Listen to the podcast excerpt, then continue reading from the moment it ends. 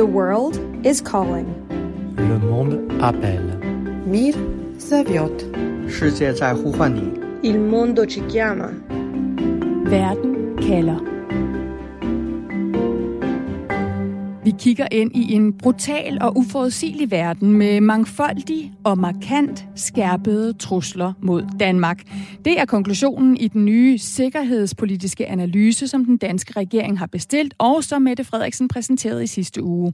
En analyse, der peger på trusler fra et aggressivt og militant Rusland, hvor Putin rasler med atomvåben, fra et Kina, der er på vej til at blive en militær supermagt, og fra en ny virkelighed, hvor globale spilleregler bliver brudt.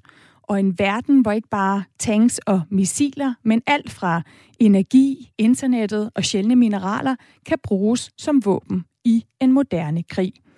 Så nu hvor den danske sikkerhedsrapport har slået fast, at verden er blevet farligere, spørger jeg i dag, hvordan forsvarer vi Danmark imod trusler udefra. Jeg hedder Stine Krummer Dragsted. Velkommen til Verden kalder på Radio 4, hvor vi altså dykker ned i nogle af de helt konkrete trusler, som Danmark og danske nærområder står overfor, og hvor vi spørger, hvordan Danmark bedst kan håndtere dem, og hvor langt vi er fra at nå dertil. Ikke mindst fordi vi taler om trusler, der både kan være militære og ikke-militære, som sabotagen mod gasrørledningen gasrørledningerne i Østersøen viser. Husk, at du kan skrive ind til mig som altid på 1424, hvis du har spørgsmål, hvis du har kommentarer. Send en sms, så kan du være med til at stille spørgsmål her på Verden kalder.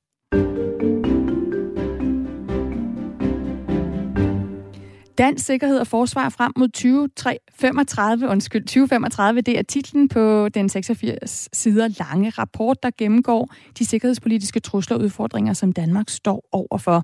Og når det gælder vores eget nærområde, så bliver der nok at tage fat på. For rapporten slår fast, at Danmarks hovedopgave handler om at forsvare Arktis, Nordatlanten og Østersøregionen. Så lad os starte i Arktis og i Nordatlanten, der strækker sig ind i dansk territorium i form af Grønland og Færøerne, og så dykke ned i en af de helt konkrete opgaver, som Danmark står overfor, hvis vi skal håndtere en øget militær trussel fra Rusland. Og det skal vi kigge på sammen med dig, Camilla Tænder Nørup Sørensen. Du er lektor ved Institut for Strategi og Krigsstudier ved Forsvarsakademiet. Velkommen tilbage til Verden kalder. Tak skal du have. Camilla, du forsker blandt andet i udenrigs- og sikkerhedspolitik på det arktiske område. Når det kommer til Arktis og Nordatlanten, så peger rapporten på, på flere trusler og udfordringer. Men en, der får meget opmærksomhed, det er den her strategiske maritime passage, der går fra Grønland i nord hen over Island og ned til toppen af Storbritannien. Hvad har den her øh, passage, altså den her sejlrute, kan vi kalde det, med en trussel imod Danmark at gøre? Jamen, det har heller ikke konkret øh, noget at gøre med en trussel mod Danmark, men snarere mod en trussel, øh, kan man sige, mod, øh, mod NATO øh, og NATO's, øh, hvad kan man sige, øh, troværdighed, afs, afskrækkelses, troværdigheden omkring afskrækkelsen øh, øh, af Rusland. Fordi det, det gælder om i forhold til det her geogab, altså de her, den her strategisk vigtige passage mellem Grønland, Island og, øh, og Storbritannien, det er, at det er her, at russiske ubåde og, øh, og krigsskibe, blandt andet fra den russiske nordflåde, som hører hjemme op i det russiske arktiske, Arktis, ja, det er her, de skal igennem for at komme ud i Nordatlanten. Og når de kommer ud i Nordatlanten, jamen, så kan de øh, lægge sig i vejen, øh, gøre det besværligt for øh, forsyninger fra USA, både med soldater og materiel, og komme til Europa i tilfælde af, at der er et øget konfliktniveau i Europa, hvor altså øh, der skal komme forsyninger øh, fra USA. Så det er simpelthen et spørgsmål i højere grad om, om NATO's, øh, ja, øh, troværdigheden af NATO's øh, afskrækkelse af Rusland. Hvad er det, at NATO frygter, der kan ske i det her område? Jamen det er jo, at man ikke har, øh, har styr på øh, området, altså i forhold til, øh, til overvågning og kontrol øh, af området, øh, og derfor øh, kan russerne øh, uhindret og også uden vi måske ved det, øh, øh, øh komme igennem der, og så har man simpelthen ikke styr på, hvor de russiske ubåde og de russiske krigsskibe er henne. Øh, og det bliver som, som sagt, det har vi måske ikke bekymret os om i, i mange år øh, efter den kolde krig, hvor forholdet mellem Vesten og Rusland øh, øh har, været, har været bedre, end det er nu.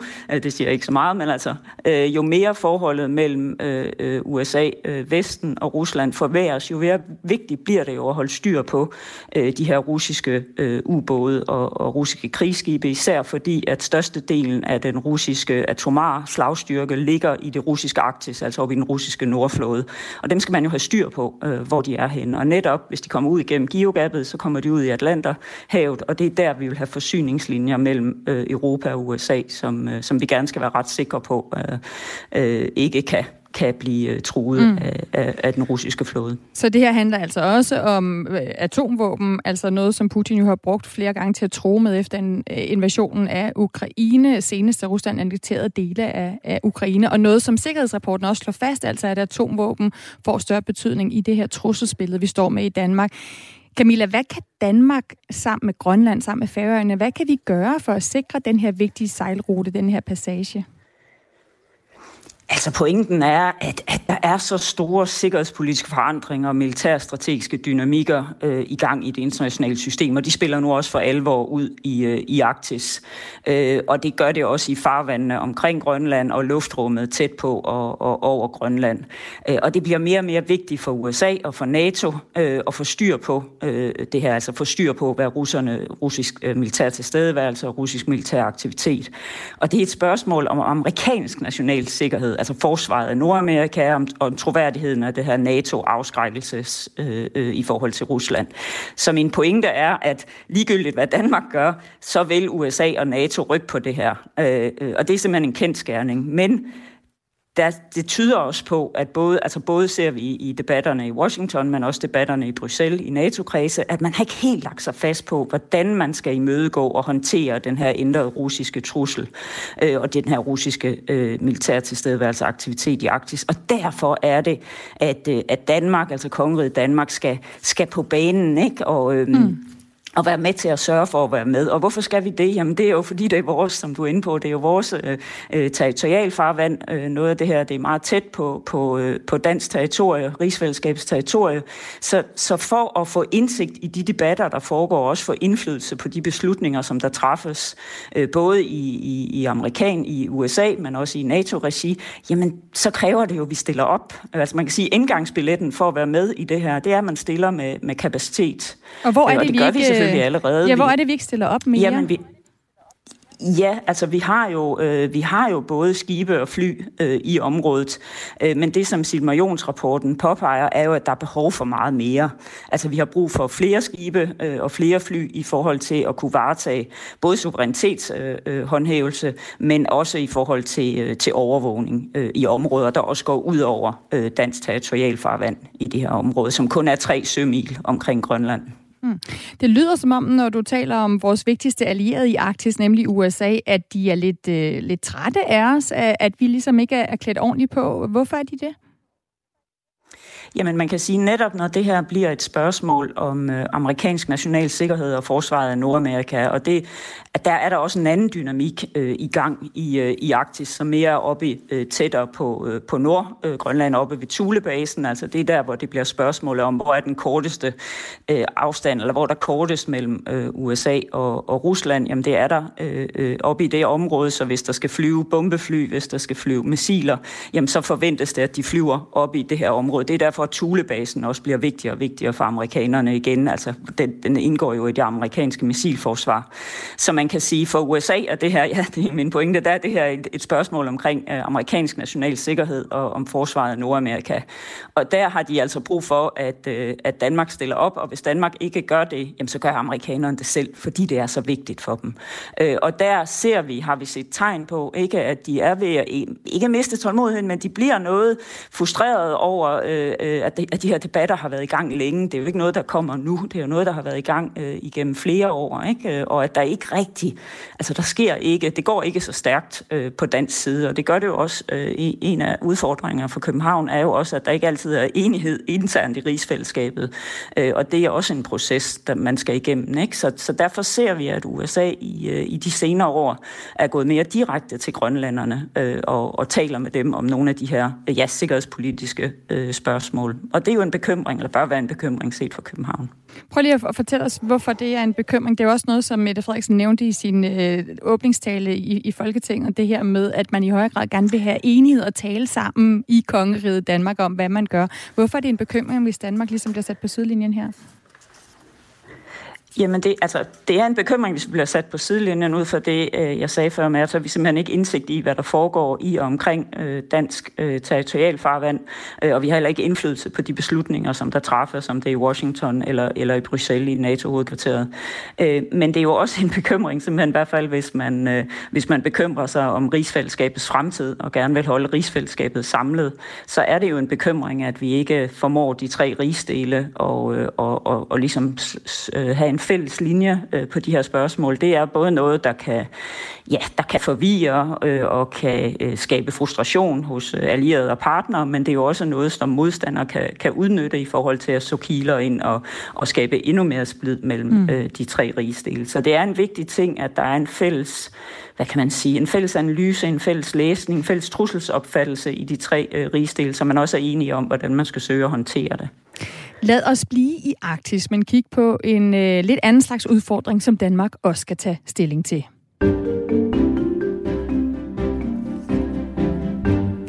Og lad os bringe en ny aktør på banen, som øh, også udgør en trussel, og som vi skal zoome ind på nu, nemlig Kina. Og Arktis og Kina, det er jo nok ikke noget, som så mange af os lige forbinder med hinanden, men i sikkerhedsrapporten, der kommer det faktisk frem, øh, at øh, Kina er på banen, når det gælder Arktis, og at Kina jo også selv øh, har kaldt sig en nærarktisk stat. Camilla, nærarktisk stat, hvad vil Kina sige med det? Jamen, Kina prøver jo at spille sig på banen som en, øh, som en øh, legitim arktisk aktør. Altså en, der øh, ja, har øh, ret øh, til at være i Arktis, har aktiviteter i Arktis, og også har nogle øh, rettigheder i forhold til at influere, øh, hvad kan man sige, spillereglerne øh, i Arktis fremadrettet. Øh, fordi der er jo det med Arktis, og grund til, at vi overhovedet taler så meget om Arktis, det er jo, at isen smelter, og at der bliver øh, mere, altså større mulighed for aktivitet i Arktis af både civil og militær art. Altså sejlruterne i Arktis, der begynder at åbne sig op. Dem er kineserne meget interesserede i, fordi kan de sejle nordom, altså øh, via de arktiske søruter, så sparer de cirka 30 procent øh, afstanden, end hvis de skal bruge de andre ruter, altså ned øh, øh sydom via Malakastrædet og Suezkanalen. Plus at de her ruter, de bruger nu, jamen de er sårbare, især hvis forholdet mellem Kina og USA, Kina og Vesten yderligere forværres, jamen så vil de godt have nogle alternativer. Så er de her arktiske søruter øh, øh, attraktive. Så det er en af de interesser, mm. stærke interesser, Kina har i Arktis. Men så er det også, at når Arktis åbner op, jamen, så bliver der også bedre mulighed for ressourceudvinding. Arktis har er rig på, øh, på forskellige ressourcer, fra gas, øh, øh, olie til de her sjældne jordarter, som blandt andet også Grønland har store forekomster af. Dem er kineserne også interesseret i. De er meget afhængige af at importere en stor del af, af sådan nogle her ressourcer, og der vil, der vil de gerne differentiere, altså simpelthen, at de har flere steder, hvor de kan hente de her ressourcer. Og så er det forskning, øh, øh, som kineserne er interesseret i. Altså det, at man begynder at kunne lave forskning i Arktis i en, på en helt anden skala. Øh, det er især der, hvor vi ser kineserne rykke. Øh, de har forskningsekspeditioner til Arktis i, i flere år, og dem skruer de altså op for. De ser det også som en måde, hvor de ligesom kan udvikle kinesisk viden og teknologi. Det er jo en hovedprioritet for Kina at komme op og være førende på nye teknologier, og der ser de altså Arktis som sådan en form for arena, hvor de kan prøve deres teknologi af og også yderligere udvikle, yderligere udvikle deres teknologi. Så det er nogle af de interesser, de, øh, de, de har i Arktis. Men der er også generelt den her opfattelse af, at Arktis bliver et sted, øh, hvor mange øh, af de her spilleregler, der skal være styrende i det internationale system fremadrettet, jamen de, der, der bliver, de bliver også afgjort, eller i hvert fald får en stor indflydelse, hvordan det bliver, bliver udvikler sig i Arktis. Og mm. der vil mm. kineserne bare sidde med ved bordet, jo, fordi de jo ser sig selv som, som en stor magt, ikke, der skal sidde med ved bordet, når vigtige ting bliver diskuteret og besluttet.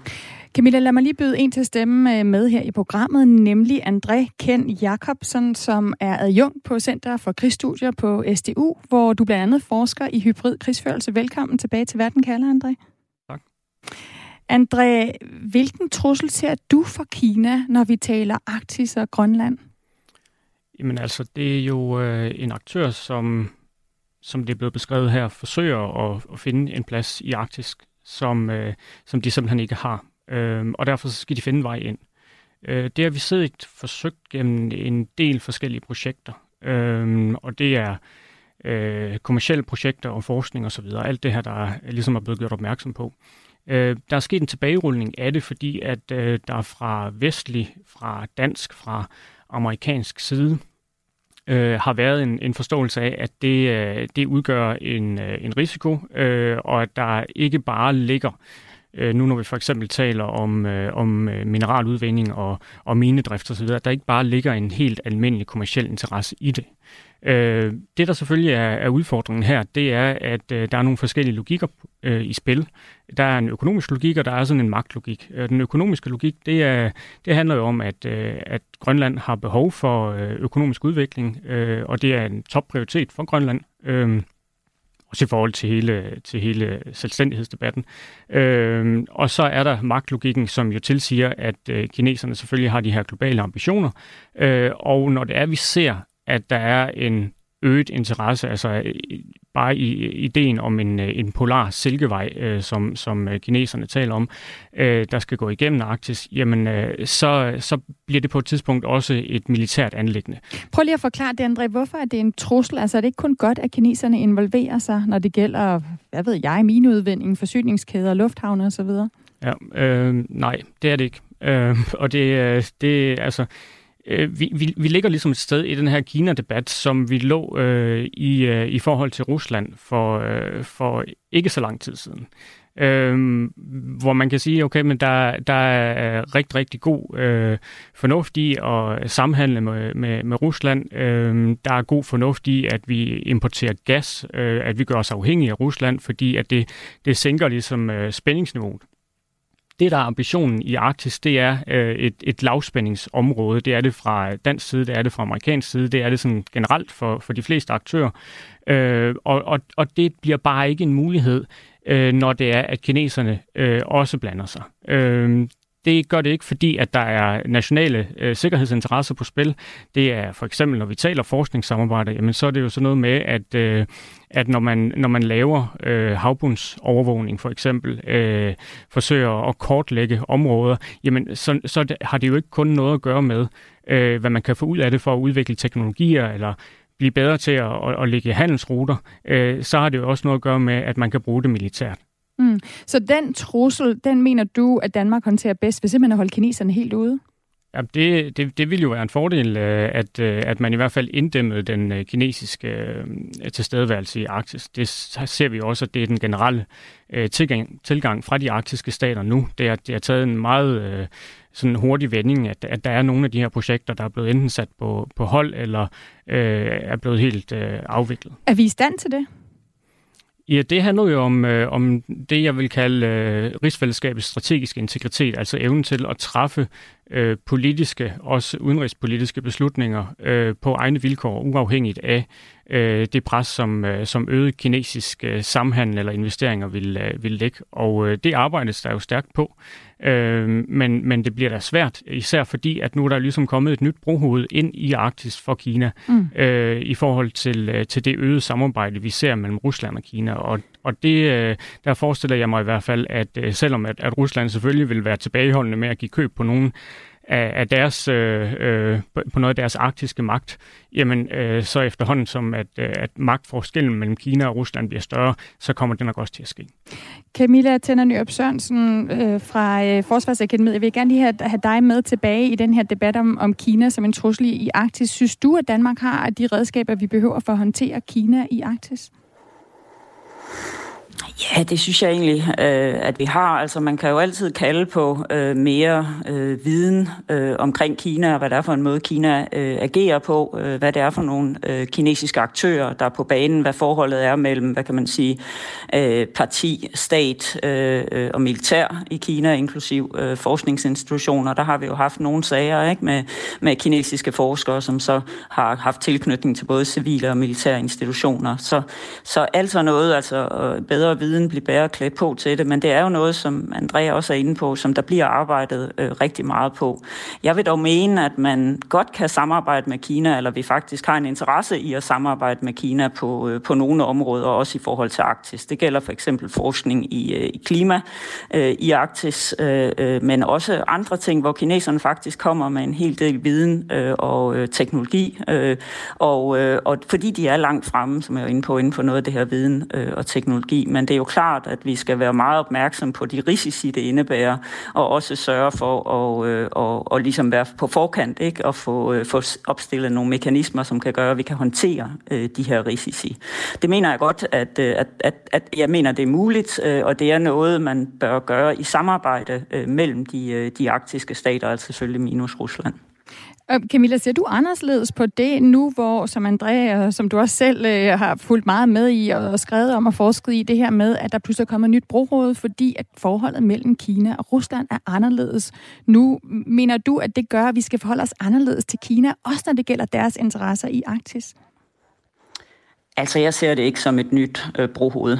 Øh, det er en udvikling, der har været gang i i hvert fald et årti, øh, at Rusland og Kina har styrket deres, øh, deres samarbejde i, øh, i Arktis, både økonomisk, politisk øh, og sådan øh, det der gråzone, man kan sige, der er mellem, mellem øh, civil forskning og militær forskning. Så, så det øh, har vi set øh, i mange år. Men jeg er da enig i, som, som André siger, at øh, det, at, øh, at Rusland bliver så relativt svækket øh, i forhold til Kina, gør, at noget af det, som russerne ikke har været så villige til at, øh, at lukke kineserne ind i, altså for eksempel Arktis, øh, altså det arktiske samarbejde, øh, hvor russerne jo, som de andre arktiske stater, insisterer på, at det er ligesom noget, som de arktiske stater skal tage sig af, øh, øh prioritere Arktisk Råd, hvor det jo kun er de otte arktiske stater, der sidder. Jamen der står russerne jo øh, svækket nu i forhold til kineserne, hvis kineserne begynder at presse på for os at vil have en større indflydelse i forhold til at sætte de her øh, arktiske spilleregler. Øh, og man kan også sige, at der er andre områder, hvor altså hvor kineserne kan presse på for noget, hvis de nu øh, ønsker øh, i højere grad at, øh, at have en, øh, en militær tilstedeværelse i det russiske Arktis, øh, så, så står russerne også svækket. Der russerne ikke øh, hidtil været så, så begejstrede for at gå med ind på den bane. Men, øh, men altså, Mm. Det er et samarbejde øh, mellem Rusland og Kina, der har været i gang længe, øh, og russerne har i forskellige år forsøgt at mindske deres afhængighed øh, af Kina, blandt andet ved at prøve at tiltrække nogle af de andre store østasiatiske stater i forhold til at investere i ressourceudvinding i det russiske Arktis. Inderne, sydkoreanerne, japanerne også på banen. Hmm. André, hvad siger du til det her med at holde døren åben for Kina på nogle områder i Arktis, for eksempel når det gælder klima øh, og forskning der, fordi vi er vant til, altså vi ved godt, hvordan vi skal håndtere dem. Men altså, det er jo, øh, det er jo en sympatisk idé, øhm, og, øh, og hvis det kunne lade sig gøre, så, øh, så er det jo klart, så vil vi alle sammen vinde på det. Øh, nu er det jo øh, sådan med, med klimaforskning, at det handler alt muligt om at kortlægge ting, øh, om at må, måle ting. Øh, det er i hvert fald en del af det, og det er også derfor, at kineserne de gerne vil have de her forskningsstationer i øh, Arktis, og blandt andet gerne vil have en øh, i Grønland. Øh, der hvor, der hvor udfordringen ligesom rigtigt opstår, det er sådan set, hvordan, øh, hvordan det bliver brugt. Og øh, det her med, at vi fra vestens side ser klima som sådan en eksistentiel øh, problemstilling, øh, det virker kineserne jo til øh, at tage lidt mere afslappet. Altså vi så jo efter, at Nancy Pelosi havde besøgt Taiwan, jamen så lukkede kineserne simpelthen ned for den her klimadialog med amerikanerne. Øh, og hvis det var, at man mente, at det ligesom var vejen øh, til, øh, til lavspænding, øh, at man i hvert fald kunne tale om, om det, der angår hele jorden, øh, som er klimaudfordringen, øh, jamen så, så er det jo et, et signal fra Kina om, at øh, det ikke taget af bord, som, øh, som mulig pressionsmiddel. Camilla, hvad, hvad siger du til den, at, øh, at der er ikke noget, der er taget bordet? Altså lige nu, der er det både klima, det er energi, det er alt, der er blevet sikkerhedspolitik.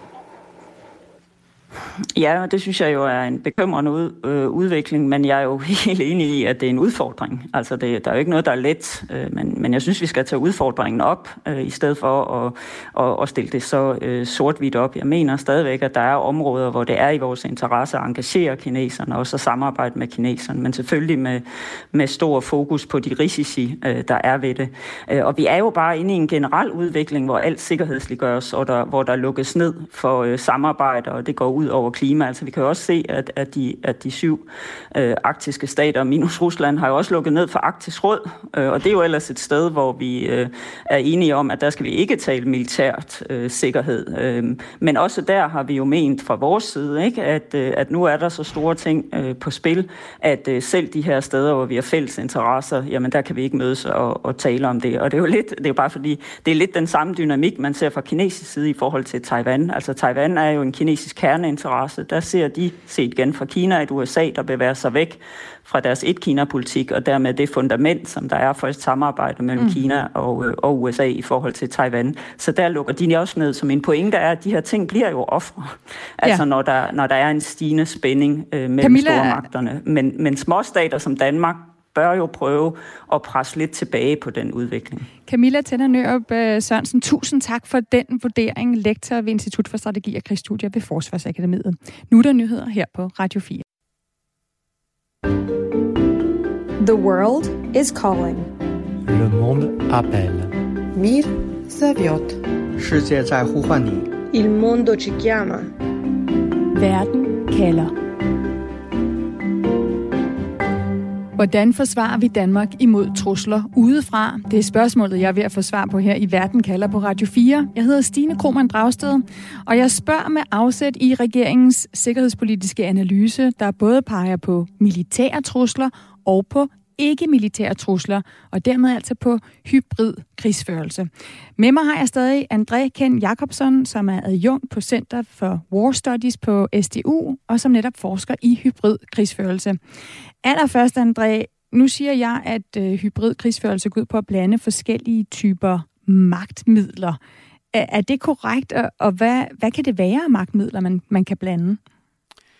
Ja, det er korrekt. Øh, hvis man skal prøve sådan ligesom at, at, at kode det ned til øh, en, øh, en, en magiterning, jamen så handler det om at bruge alle de magtinstrumenter, som en stat har til rådighed, der ligger under grænsen for konventionel krigsførelse. Øhm, og det man så gør, det er, at man prøver at synkronisere dem, og man øh, laver skræddersyede angreb til det mål, man nu ligesom øh, har på sigtekornet, og til det, som man ønsker at opnå. Øh, når vi taler om, hvad det er for nogle magtinstrumenter, jamen, så kan det være diplomatisk, det kan være økonomisk, det kan være politisk, det kan være militært. Øh, der er en, en meget, meget stor værktøjskasse, som ikke er ens øh, i forhold til øh, den relation, der er mellem de to stater, det drejer sig om, øh, og som man derfor ligesom skal, skal skræddersy hver gang. Øh, hvis, det, øh, hvis det var øh, Rusland og Danmark, jamen så ser relationen mellem Rusland og Danmark anderledes ud, end den ser ud mellem Rusland og Tyskland. Og derfor så vil der være forskellige midler, man kunne tage i brug der. De her hybride trusler mod Danmark, de fylder jo så meget i den her nye sikkerhedspolitiske rapport, og de fyldte også i Mette Frederiksens åbningstale. Lad os lige prøve at høre. Verden er blevet mere usikker. Energikrise, cyberangreb, anslag mod kritisk infrastruktur, vores forsyningssikkerhed er under pres, og værst af alt, krigen er tilbage i Europa. Ja, verden er blevet mere usikker, ikke bare på grund af den her krig, men også på grund af alle de her andre trusler, der kommer. André, hvorfor kommer hybride trusler til at fylde mere fremover? Hvordan ved vi det?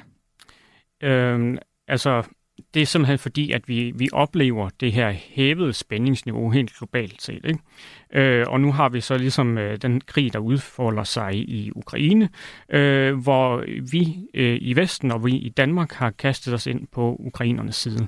Øh, fra russisk hold, der er det selvfølgelig øh, svært utilfredsstillende, for at sige det mildt, øh, men russerne har ikke, øh, i hvert fald ikke nu, noget øh, sådan umiddelbart ønske om at gå i, øh, i, i direkte konfrontation med NATO.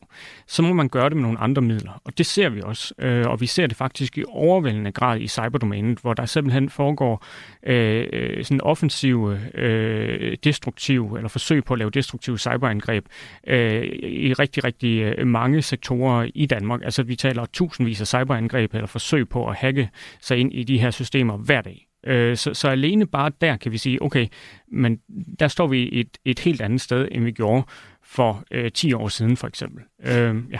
Ja, øh, Claus skriver ind på sms'en på 1424 til Verden kalder, at man er opmærksom på, at beskyttelse af vindmølleparker på havet både handler om fysisk angreb og cyberangreb, øh, såsom påtvunget løbskørsel ved storm.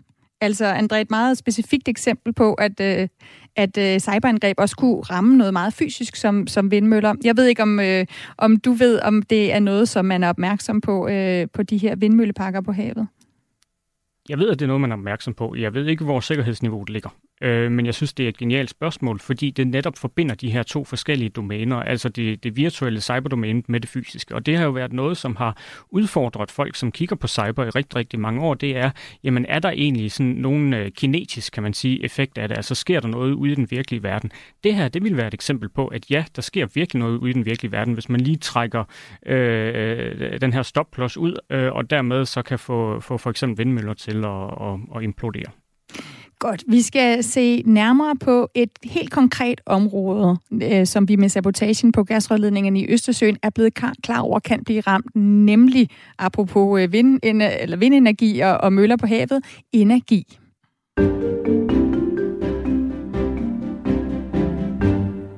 For vi skal lige høre fra Trine Willumsen Berling fra Dansk Institut for Internationale Studier, som forsker i nemlig energi og sikkerhed, og i mange år har sagt, at energi, det handler ikke bare om, om økonomi, om forsyning og om handel. Energi handler om sikkerhed. Og det er en pointe, som også er blevet slået fast i den sikkerhedspolitiske rapport, som regeringen kom med i sidste uge, hvor der netop står, Rusland anvender energi som et våben over for enkeltlande og for EU som helhed. Lidt tidligere der spurgte jeg Trine Willemsen Berling, hvordan energi er blevet et magtmiddel, der kan bruges til at tro os. Jamen aktuelt i år, så har vi jo set, hvordan gassen, som vi er så afhængige af, er blevet et pressionsmiddel og måske lige frem et våben i den, øh, hvad skal vi sige, samtale omkring Ukrainekrigen, som øh, EU har haft med Rusland.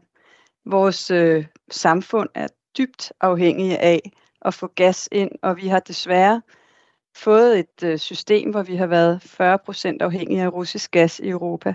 Og når man så begynder at skrue ned for gassen eller true med at slukke, så er det faktisk at betragte som, at energi bliver brugt som et våben. Altså, de her eksplosioner, Trine, de skete jo på Østersøens bund. Var vi ikke forberedte på, at energi kunne blive brugt som et våben?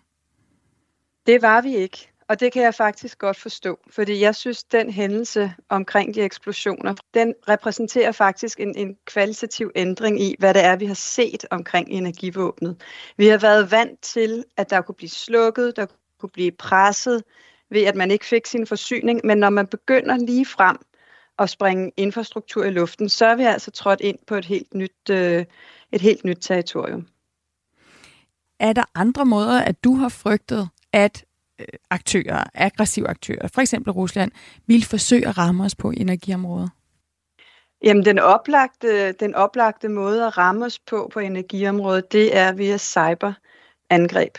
Fordi meget af vores infrastruktur er jo koblet op på vores elforsyning, øh, er koblet op på, på stationer, målestationer, som skal drives af noget, som man faktisk kan ramme med sådan nogle cyberangreb. Så det var ligesom det, jeg synes lå inden for skiven det var sandsynligvis også noget, vi allerede havde været udsat for, uden måske offentligheden har fået det at vide.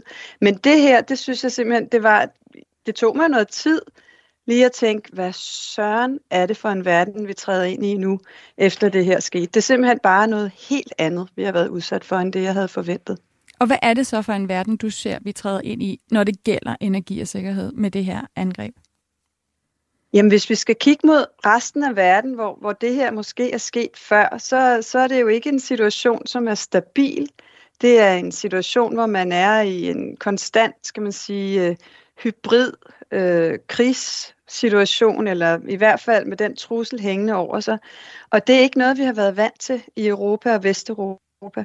Så vi har været, været vant til, at man kunne, kunne tale om tingene. Måske talte vi nogle gange ved at slukke for gassen, eller sige, at vi ikke vil købe den mere. Altså ikke en samtale, men ligesom gennem den kapacitet, der kom igennem. Men ikke ved de her sådan øh, ikke-krigshandlinger, det er det jo ikke. Men, men sådan de her hybride krigshandlinger, som, øh, som vi nu træder ind i en verden, som, som bliver defineret af. Det skriver rapporten jo også, den store rapport om Danmarks sikkerhedspolitiske situation hvor stor en trussel er et cyberangreb på elnettet? Altså det, det kan jo lyde en del mere harmløst end et, et angreb med konventionelle våben eller eksplosioner nede ved en gasrørledning. Det har jo en helt anden karakter, det er rigtigt. Men vores elnet, hvis vi forestiller os, og det er meget usandsynligt, men hvis vi forestiller os en, en fuldstændig nedlukning af vores elnet, så er der jo rigtig, rigtig mange funktioner i samfundet, som ikke kan køre. Altså vores banksystem, vores øh, supermarkeder kan ikke åbne dørene, du kan ikke øh, nødvendigvis tænde for vandet, fordi rensningsanlæggene måske ikke længere har energi at køre på. Og så er der jo selvfølgelig hospitalsektoren, men der har man jo ved mange af de kritiske punkter i samfundet, har man jo nødgeneratorer stående, som vil blive taget i brug, hvis det altså helt utænkeligt skulle ske, at samfundet ikke har strøm. Men der er tænkt i baner, der hedder, hvad gør vi, hvis vi i kortere eller længere perioder ikke får strøm ind, så, så kuvøsen til, til det for tidligt fødte barn stadigvæk vil køre. Men el, det bruger vi jo til alt i det danske samfund. Sabotagen af Nord Stream gasrørledningerne fandt jo sted dagen før åbningen af Baltic Pipe, altså den her gasrørledning, der løber fra Norge til Polen via Danmark. Og den timing var med til at skabe, skabe frygt i, i Europa, som i forvejen er ramt af inflation og energikrise. Når energi bliver brugt som våben på den her måde, Trine, hvor meget handler det så om den konkrete trussel, og hvor meget handler det om at skabe frygt? Jamen, altså de eksplosioner, der var tæt ved Bornholm, det tror jeg, at, at det, det helt klare mål var, at vi skulle blive virkelig bange. Vi skulle vide, at de kunne, hvem de så end er, at de var villige til det, de kunne komme ind og ud, uden vi så dem, øh, og dermed så, så får man plantet den her what's next følelse. Ikke? Og det er den frygt, som er så utrolig farlig, men det er også den, som vores modstander gerne vil have, at vi, at vi får til at sidde i kroppen. Så, så det bedste svar lige her og nu er jo at sige, ro på, Øh, vi skal være opmærksomme. Vi har et meget, meget stort område her, som kan potentielt udgøre øh, et, et mål i fremtiden, men, men så også bare sige, men vi kan godt komme igennem det her. Altså, der er en mulighed. Vi holder øje. Vi hjælper hinanden, hvis der skulle komme et, et kortere afbrud af strømmen, så spørger vi lige naboen, om alt er okay. Jeg siger ikke, det er realistisk, at strømmen bliver afbrudt i længere tid, men bare sådan lige få den der, og vi kalder det resiliens, altså i, i mit felt. Ikke? Altså at man får den der modstandsdygtighed overfor, at vi ligesom siger, okay, det klarer vi også den her, vi står sammen om det. I det her program, der spørger jeg, hvordan forsvarer vi Danmark imod talrige trusler, hvor energi er et af de ting, der bliver brugt som våben nu. Hvad kan vi konkret gøre for at blive bedre til at håndtere de trusler, vi står overfor på energiområdet? Jamen det vigtigste svar sådan på den helt øverste klinge, kan man sige, det er, at, at vi bliver enige med hinanden om i NATO og i EU, at vi skal have en fælles politik på det her område. Vi skal stå sammen omkring, når man skal bygge sådan nogle store rørledninger, som Nord Stream-ledningerne er, så skal det være et fælles europæisk ønske, og der skal være en plan for det, som vi alle sammen er enige om. Det, der skete med Nord Stream-ledningerne, særligt med nummer to, det var, at det splittede NATO. Der var så mange lande, der var imod det, og så var der nogle lande, der synes, det var en god idé. Det er det farligste, vi kan komme til at stå i igen. Altså, at vi ikke er enige. Så den vigtigste sådan, ja, som jeg siger, storpolitiske handlemulighed, det er, at vi skal begynde at tænke på energi som en del af det store sikkerhedspolitiske billede. Både i NATO, men også i EU. Og hvis man så går længere ned af stigen og tættere på borgerne, så har vi jo i vores nabolande set, at man allerede i 2018 sendte brochurer ud til alle husstande, hvor der stod, den, de hed sådan i retning af, når krigen eller krisen kommer, eller hvis den kommer, hvad skal du så kunne gøre selv?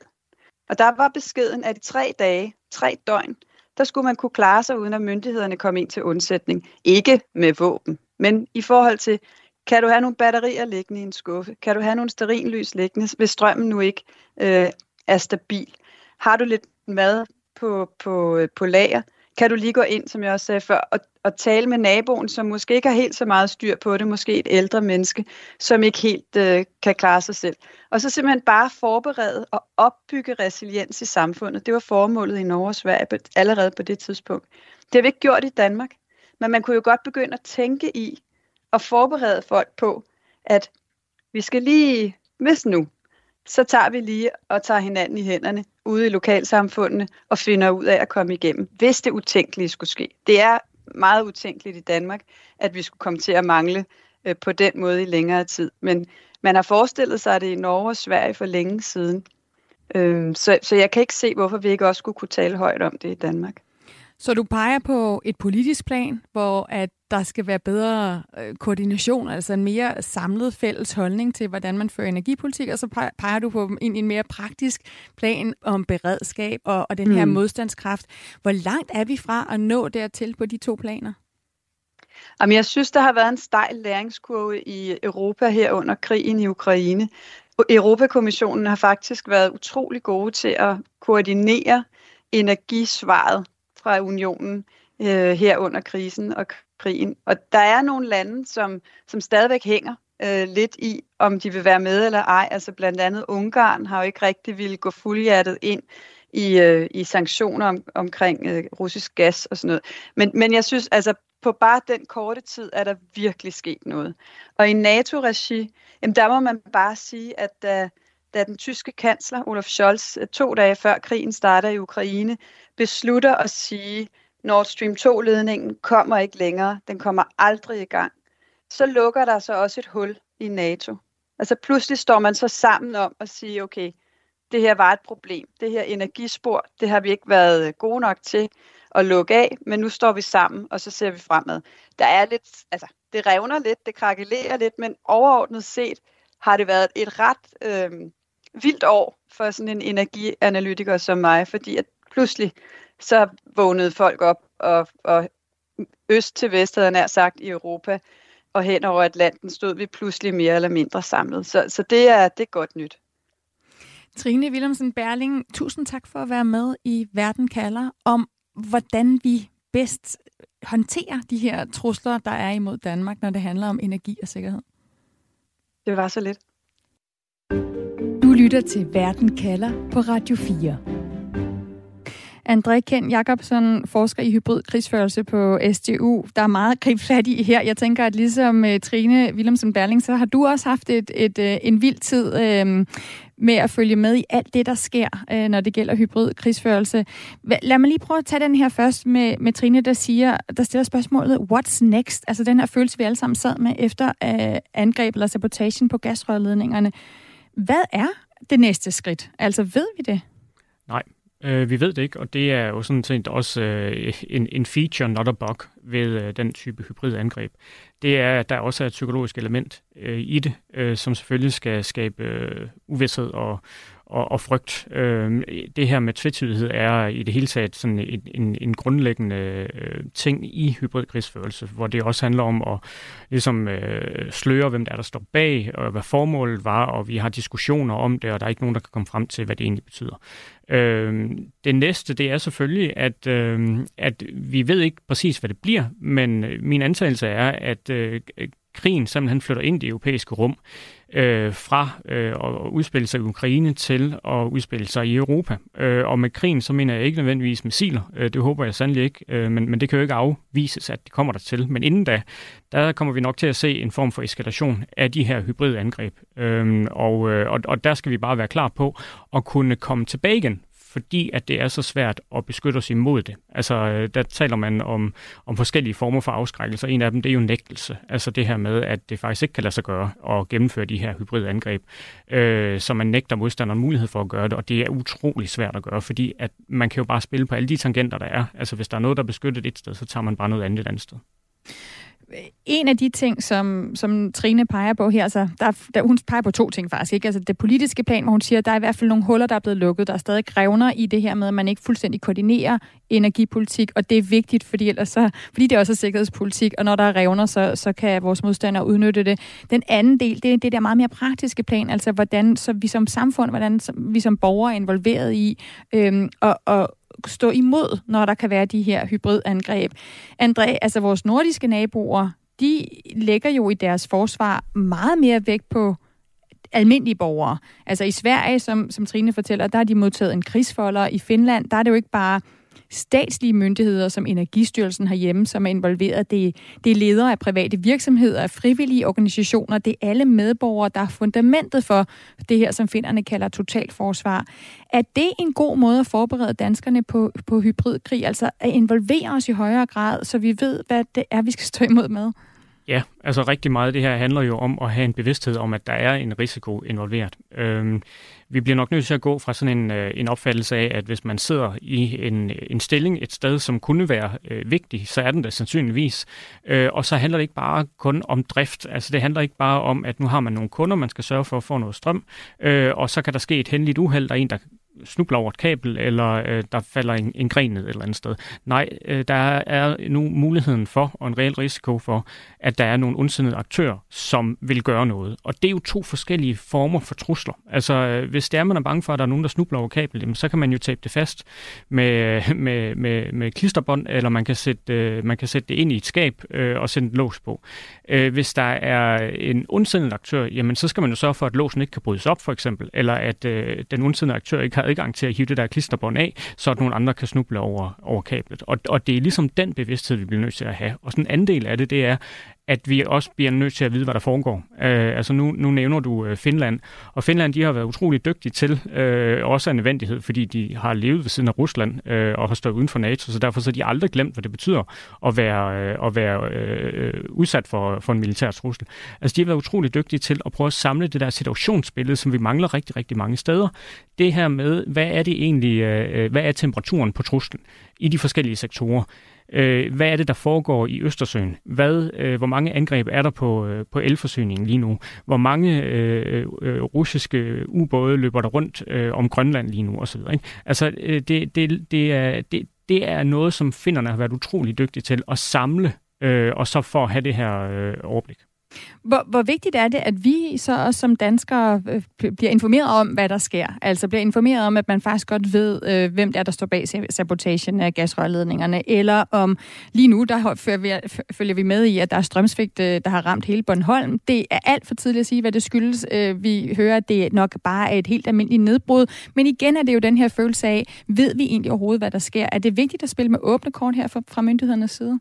Det er utrolig vigtigt, øhm, og jeg vil bruge Nord Stream som eksempel på det, fordi at selve den sabotagegærning, der fandt sted mod Nord Stream, mener jeg, og her antager jeg, at det er russerne, der står bag, det synes jeg, der er alt mulig god grund til at gøre. Øh, jeg er villig til at, at, at trække det tilbage igen, hvis det viser sig ikke at være sandt, men jeg mener, at det, øh, det, det er Rusland, der har gjort det. At det er en led i en øh, kampagne, der bruger flere af de her forskellige øh, hybride midler. Og det skal vi jo være bevidste om, hvad det er, russerne har gang i. Fordi at de her kiler, som vi taler om, når det drejer sig om at kunne træffe beslutninger og stå sammen og være øh, enige i NATO og være enige i EU osv., ikke? Øh, det, det, det er jo det, som russerne forsøger at opløse. Og det gør de jo ved at bruge deres energivåben. Så først så bliver der lukket ned for gassen til Europa. Det er vi ikke alle sammen lige afhængige af i de forskellige lande. Vi har også set, at der er nogen, der er mere eller mindre tilfreds med, øh, at, øh, at, at vi forsøger at gøre os uafhængige af Rusland. Øh, efterfølgende så kan man så se, at der kan, der kan ske de her hybride angreb, som kan lukke ned for energitilførelsen til særlige lande, som kunne være særlige påvirkelige, og som kunne være den der øh, kløft øh, øh eller kile, som man kan banke øh, videre på. Altså i Danmark, der er der sådan en rimelig stor konsensus om, hvor vi skal ligge os henne i den her konflikt. Det er der altså ikke nødvendigvis i Italien eller i Frankrig. Mm. Tommy han skriver ind på sms'en, nu taler I om Kina og cybersikkerhed. Jeg er lige blevet tvunget fra det danske nem ID til mit ID, og nu står der Made in China på kodeviseren. Jeg betvivler kraftigt, at den danske stat tager IT-sikkerhed alvorligt. André, du er ekspert på det her, du så forsker i hybrid øh, krigsførsel. Vi taler om det her med at være åbne om, hvor godt forberedt vi er. Hvor alvorligt bliver de her trusler, blandt andet fra Kina, øh, men jo bestemt også fra Rusland, taget i Danmark? Jeg synes igen, øh, altså meget, meget øh, vidende lytter og, og geniale spørgsmål, fordi at det, som, som det her Made in China peger tilbage øh, mod, det er jo hele den her 5G Huawei-debat, som vi har haft. Øh, altså, nu ser vi for eksempel, at der har været det her øh, anslag mod, øh, mod Deutsche Bahn i Tyskland, som gjorde, at togtrafikken ikke fungerede. Øh, der, blev man, der blev der brugt en vinkelsliber, man skulle ned igennem et kloakdæksel. Øh, det krævede en koordineret indsats. Hvis det nu var at man forestillede sig, at det var Rusland, der havde leveret det her kommunikationssystem, så kunne man jo godt forestille sig, at det var lidt nemmere bare at sidde på en kontorstol i Moskva og så trykke på en knap, hvis det var, man havde direkte adgang til øh, øh systemet. Ikke? Og det er lidt den samme udfordring, vi står med i forhold til, til Kina, øh, bare i langt højere grad, fordi at kineserne de rent faktisk leverer de her systemer. Øh, og, og der skal vi godt nok være øh, skarpere. Altså, vi har, fået, vi har fået indført noget øh, screeningslovgivning, som gør det muligt for os rent faktisk både at spørge Center for Cybersikkerhed og Forsvars Efterretningstjeneste og lave vurderinger på, øh, hvor stor en, en risiko er der ved at bruge de her leverandører, ved at bruge det her udstyr. Øh, og, og altså, det er jo selvfølgelig myndet på Kina i første omgang. Så vi har nogle værktøjer i, i værktøjskassen, men vi skal så også bruge dem.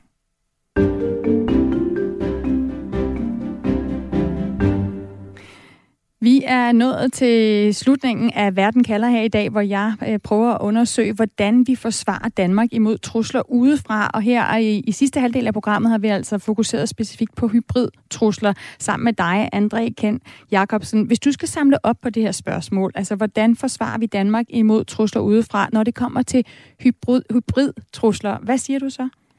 Så skal vi hæve øh, øh, vi skal hæve niveauet for vores opmærksomhed og vores bevidsthed om, at, øh, at, at det findes, øh, hvad, hvilken rolle vi selv spiller. Der vil være mange af lytterne, som sidder i nogle roller, som de måske ikke betragter som kritiske, men som faktisk er det. Øh, virksomheden går ikke under, hvis det er, du lige får en forkølelse. Men hvad nu, hvis det system, som, øh, som du bruger, det rent faktisk slet ikke fungerer? Øh, det skal du sørge for, det skal du sikre, det skal du spørge opad eller nedad i organisationen, om, øh, om, om det er muligt. Og så skal, vi være, så skal vi være i stand til at kunne komme tilbage fra det. Altså fordi vi kan ikke sikre os, at det ikke sker. Vi kan ikke sikre os mod angrebene. Så vi skal være sikre på, at hvis det sker, jamen så kan vi faktisk komme tilbage igen ret hurtigt. Det er en helt grundlæggende øh, respons. Prøv lige at, at, at, lige at uddybe det, altså komme tilbage igen. Du siger, vi kan ikke beskytte al kritisk infrastruktur. Hvad er det, der er så vigtigt i at komme tilbage? Hvorfra? Jamen, øh, det er jo, at når vi bliver udsat for de her angreb, så vil der være et nedbrud, fordi det har en destruktiv karakter. Det er hele pointen i det. Vi skal sørge for, eller altså angriberen vil sørge for, at der er noget, der ligesom går i stykker. Så skal vi have den resiliens eller modstandsdygtighed, der gør, at okay, jamen hvis, øh, hvis, øh, hvis det sker, hvis vi bliver udsat for angrebet, så skal vi kunne reparere det. Øh, vi skal kunne øh, levere strømmen igen. Vi skal kunne slå over på et nødanlæg. Der skal være en form for redundans mm. øh, på, på, alt, øh, på, på alt, hvad der sådan er meget, meget kritisk. André Ken Jacobsen, forsker i hybrid krigsførelse på Center for War Studies på SDU. Tusind tak for at være med her i Verden kalder. Selv tak. Jeg hedder Stine Krohmann Dragsted, og jeg har tilrettelagt dagens udsendelse sammen med Simon Helberg. Vores redaktør er Dorte Lind. Husk, at du kan finde vores podcast for eksempel i Radio 4's app, så du kan lytte til afsnit af Verden kalder lige når du har lyst. Vi har masser af afsnit også om truslen fra både Kina og Rusland. Lige om lidt, øh, der er der rødt hjørne her på Radio 4 Minutter Nyheder.